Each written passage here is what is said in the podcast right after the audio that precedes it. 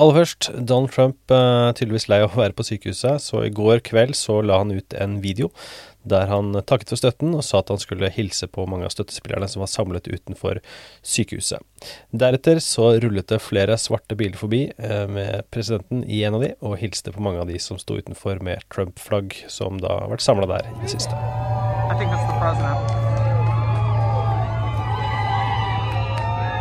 It's morning again in America.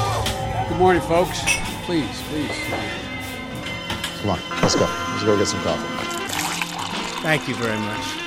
Det er mandag 5. oktober. Det er to dager igjen til visepresidentdebatten, 29 dager igjen til presidentvalget, og morgenkaffen er servert. Aller først, et par målinger fra CBS og YouGov. Det er uavgjort i Ohio. Både Trump og Biden måles til 47% og i Pennsylvania er det Biden som leder med 51 og Trumps 44 Dagens første sak motstridende meldinger om Trumps helse. Donald Trump kan skrives ut fra Walter Reed-sykehuset allerede i dag, ifølge det medisinske teamet som behandler presidenten. Trumps lege, Sean Connolly, ville ikke anslå noen dato da han snakket med pressen på lørdag, men på søndag ble det altså antydet at Trump kan vende tilbake til Det hvite hus i løpet av mandagen. Vi tar det foreløpig med en klype salt. Trumps hittil korte sykehusopphold har allerede ført til mange og ofte motstridende rapporter om presidentens helsetilstand. Ifølge New York Times er siste nytt at Trump behandles med steroider. Det har ført til flere spørsmål om presidenten egentlig er sykere enn det som meldes fra legene. En annen grunn til det er at det er meldinger fra Det hvite hus om at legenes uttalelser følges tett av Trump, og at det kan påvirke hvordan de legger fram informasjonen. Well, of course, we would have liked to maybe be able to share that sooner. I well, think it's he more had important. the facts, Alyssa. He had the facts. He just chose not to share them because he was kind of putting on a brave face, an upbeat it- face, as he said it.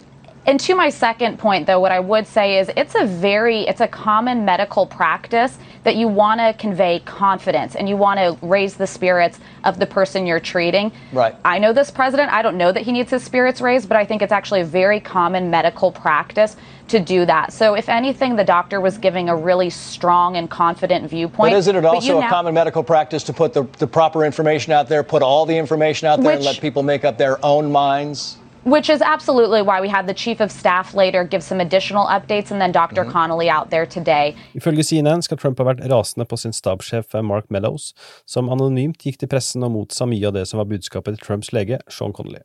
Til pressen sa blant annet Meadows på lørdag at eh, de neste 48 timene ville bli kritisk eh, med tanke på behandlingen av presidenten, og at de fortsatt ikke var på en klar vei til eh, at presidenten skulle komme seg.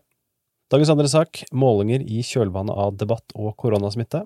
I en NBC Wall Street Journal-måling kommer det fram at Joe Biden har utvidet sin ledelse nasjonalt til 14 prosentpoeng, 53-39, blant registrerte velgere. Dette er en markant endring fra målingen som ble gjort i midten av september. Da var Bidens ledelse nasjonalt på 8 poeng, 51-43. Denne nye målingen ble gjennomført kort tid etter at den første TV-debatten ble gjennomført, men før nyheten om at Trump hadde testet positivt for covid-19. Bidens ledelse er også den største han har hatt gjennom 2020-valgkampen.